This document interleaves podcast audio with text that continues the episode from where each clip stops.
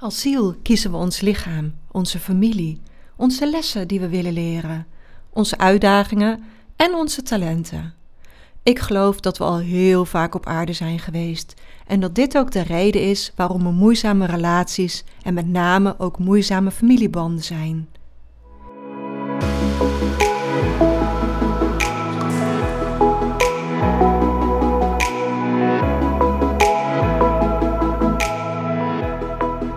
Ik ben Sandra Valente, eigenaresse van spiritueel opleidingscentrum Succesvol in Balans. Ik heb altijd gevoeld dat er meer planeten met leven moesten zijn.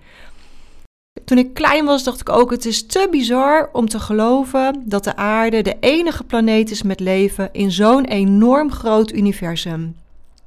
Maar tegelijk is dat natuurlijk nog nooit bewezen. Hè? Voor ons brein is nog nooit met zekerheid vastgesteld dat het zo is. Dus dan ben je nog steeds aangewezen op een voorgevoel, een innerlijk weten of hoe je het ook wilt noemen. Ik ben ervan overtuigd dat er meer planeten met leven zijn en dat de aarde een project is gezien vanuit de oerbron, vanuit het universum. Maar volg hierbij ook vooral wat goed voelt voor jou, wat waar voelt voor jou en onderzoek altijd je eigen waarheid. De aarde is een uniek project. Allereerst vanwege de prachtige natuur. Hè, er zijn weinig zulke mooie planeten als de aarde. Maar ook omdat we vanuit de derde dimensie nu groeien naar de vijfde dimensie.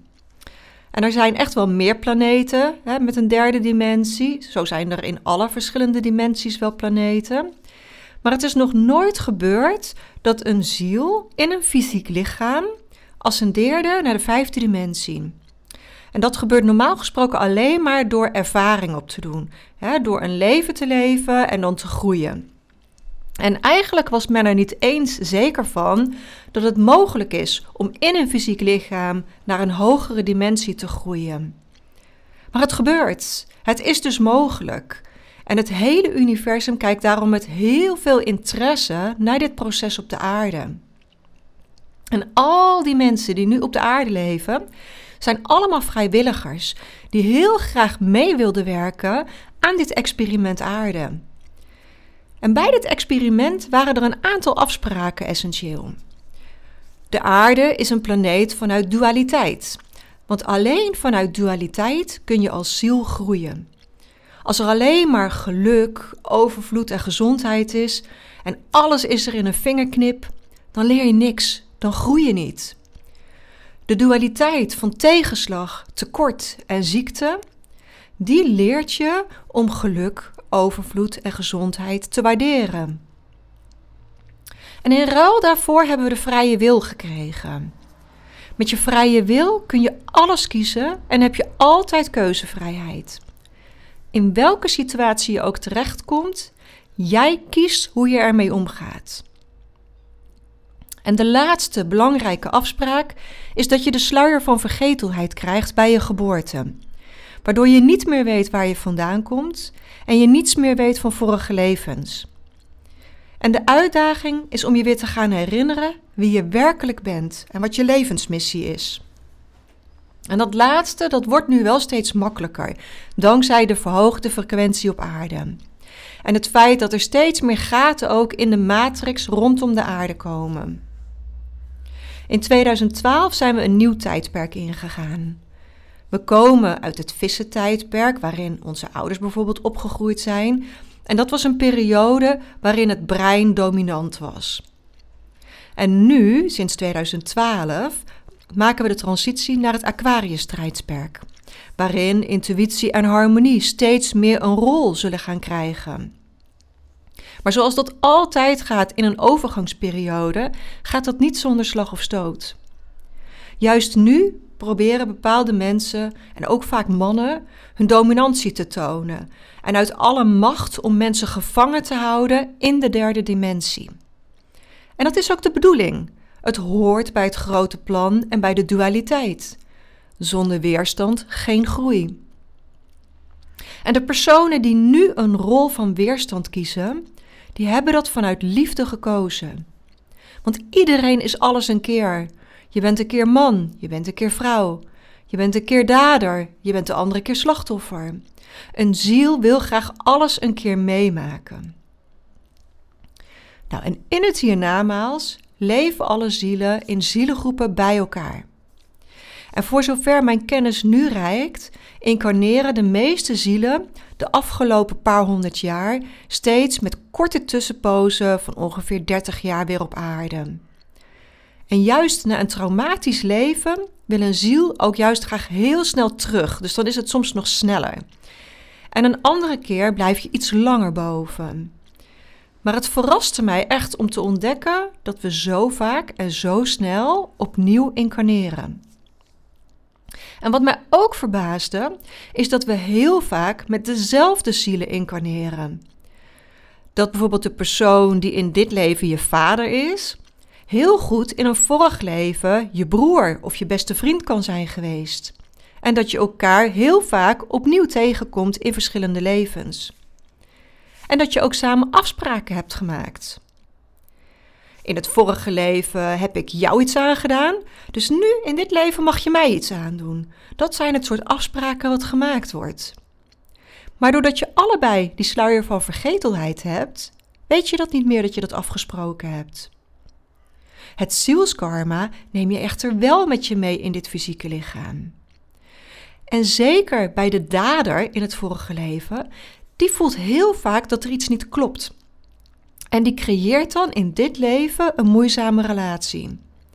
Want vaak zijn de slachtoffers veel vergevingsgezinder en komt de moeizame relatie voort vanuit de dader in het vorige leven. En dit is allemaal vanuit liefde gekozen, dus we mogen daar ook met liefde naar kijken. Alles waar je in dit leven tegenaan loopt, qua angsten, qua beperkingen, dat kan allemaal ontstaan zijn op drie manieren. Een trauma in dit leven, het familiesysteem of uit vorige levens. En vaak is het ook een combinatie van die drie factoren. En in een latere podcast zal ik daar ongetwijfeld ook nog wel eens uitgebreider op terugkomen. Maar als je als ziel besluit weer naar aarde te gaan, dan beslis je welke lessen je deze keer wil leren. Maar je kunt ook aangeven wat je wensen zijn. Misschien wil je in dit leven wel een goede pianist zijn of een ballerina. En dan worden er lichamen gezocht die de kansen daarvoor scheppen. Je krijgt altijd de keuze uit een aantal lichamen waarin je zou kunnen incarneren. En vaak zijn die lichamen ook echt in verschillende landen of zelfs in verschillende werelddelen. Je maakt zielsafspraken met wie je weer tegenkomt. Dus je hebt ook rekening te houden met de wensen van andere zielen. En in welke hoedanigheid je elkaar weer tegenkomt. En je kiest je uitdagingen. En mijn zienswijze is dat we daar als ziel vaak heel erg optimistisch over zijn over wat we aankunnen. Dat we er eigenlijk een beetje te optimistisch misschien wel over zijn wat we aankunnen. Want heel vaak denk ik nu, what was I thinking? Maar je krijgt er ook een hoofdgids die jou in dit leven begeleidt. En die hoofdgids die is er vanaf je geboorte tot aan het moment dat je fysieke lichaam overlijdt. En dan wacht die gids je weer op in het hiernamaals of de bron of de tussenwereld, net hoe je het wilt noemen. En naast je hoofdgids zijn er ook vaak nog extra gidsen of spirits die je begeleiden. En dat zijn vaak tijdelijke gidsen, die je een bepaalde periode in je leven bijstaan. En je gidsen staan altijd tot jouw beschikking. Maar doordat je de sluier van vergetelheid hebt, ben je hier niet meer bewust van. Door ze te herontdekken kun je leren om met ze te communiceren en met ze samen te werken. En hoe meer je je bewustzijn vergroot, hoe meer de mogelijkheden zich openen om contact te maken. En voor mij is Reiki daar echt wel de eerste stap bij geweest. En ben ik vanaf Reiki gewoon veel meer opleidingen en cursussen gaan volgen om mijn bewustzijn te vergroten en ook om dat contact met mijn gidsen uh, te verbeteren. En ik vind het gewoon ongelooflijk interessante materie. En al deze kennis die ik nu met je deel, die had ik voor 2014 echt nog niet. Ik ben continu op zoek naar informatie, naar kennis en vooral ook naar spirituele groei door mijn bewustzijn te verruimen. En daarom deel ik zo ontzettend graag mijn kennis en heb ik een spiritueel opleidingscentrum opgericht. Zo hoeven we niet allemaal opnieuw het wiel uit te vinden. Zo kunnen we elkaar versterken en meer liefde en licht over de aarde verspreiden. En het is heel goed om te beseffen dat alles wat we nu meemaken, de tijd waar we nu in zitten, dat we dit op voorhand ook wisten. En we dachten dat we dit aankonden. Wij wilden graag een bijdrage zijn in dit proces. En ik merk vaak dat juist hooggevoelige mensen um, graag de wereld op hun nek nemen. Dat ze hun bijdrage heel groots willen maken. Um, en dat ze daarmee eigenlijk constant om zich heen aan het grijpen zijn um, en het gevoel hebben er geen grip op te krijgen. En hoe zou het zijn als je het kleiner mag houden? Als je beseft dat alles wat jij nu in jezelf transformeert, dat je dat transformeert voor de komende zeven generaties na jou. Want zo lang werken patronen en familiesystemen door. Alles wat jij heelt, heel je voor de komende zeven generaties. En dat betekent dus eigenlijk dat jij over 500 jaar nog steeds invloed hebt. Zelfs als je in dit leven alleen maar aan jezelf werkt. En als je dan van een afstandje naar de aarde zou gaan kijken, als je vanuit een uh, shuttle of raket hè, naar de aarde kijkt,